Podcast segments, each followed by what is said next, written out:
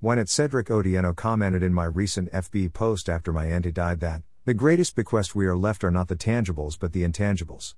Wisdom, value systems, love, honor, respect. I remembered my paternal granny, Hannah. She was soft spoken, highly reserved, almost never leaving her compound to visit friends except on Sunday when she and Grandpa went to church. But she bequeathed me a tremendous gift the awareness that process, methodical follow through, and precision really matter. Grandma was a church girl, partly brought up by missionaries at Kabare Mission, after her father either died or abandoned her. That is about all I learned from asking around. I never got to know the exact details because Grandpa never told it straight, but always tongue in cheek, looking at her from the side. I would ask, Grandpa, how did you and Cuckoo meet?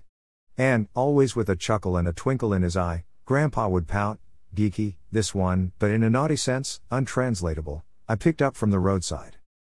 Cuckoo would threaten to hurl a flaming branch from her hearth, instantly killing off the Q&A session. I don't know how it was that I always asked the question when they were together. I had a perfectly legitimate reason why I happened to be in their house frequently. Grandma made the perfect cup of tea, you see. From a strategic position in my mother's kitchen, I had got to follow through Cuckoo's tea making process. She boiled the milk first, and set it aside.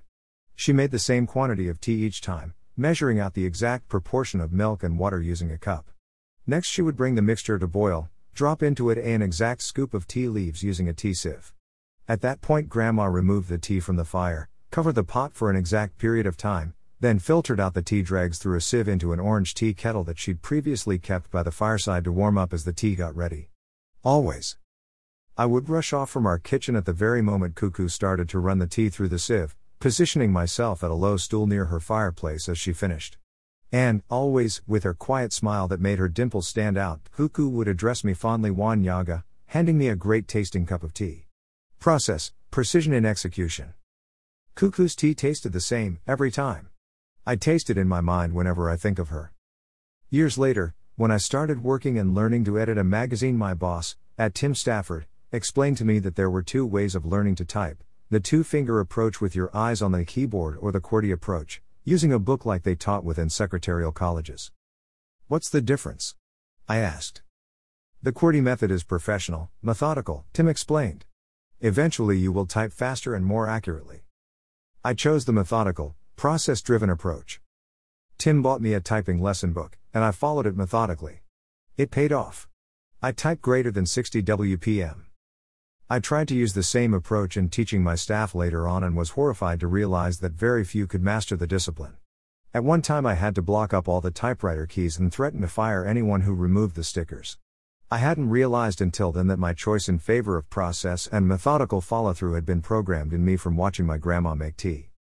Fast forward, my children and many people who have worked for me over the years learned to type properly and are thankful for the skill.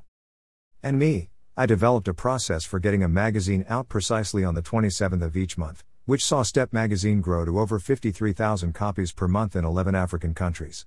Post Step, I took an interest in structured process engineering and used the skill to develop highly sophisticated computer systems for several large blue chip firms, including PricewaterhouseCoopers, Kencell, now Airtel, Howard Humphreys, and Linton Park.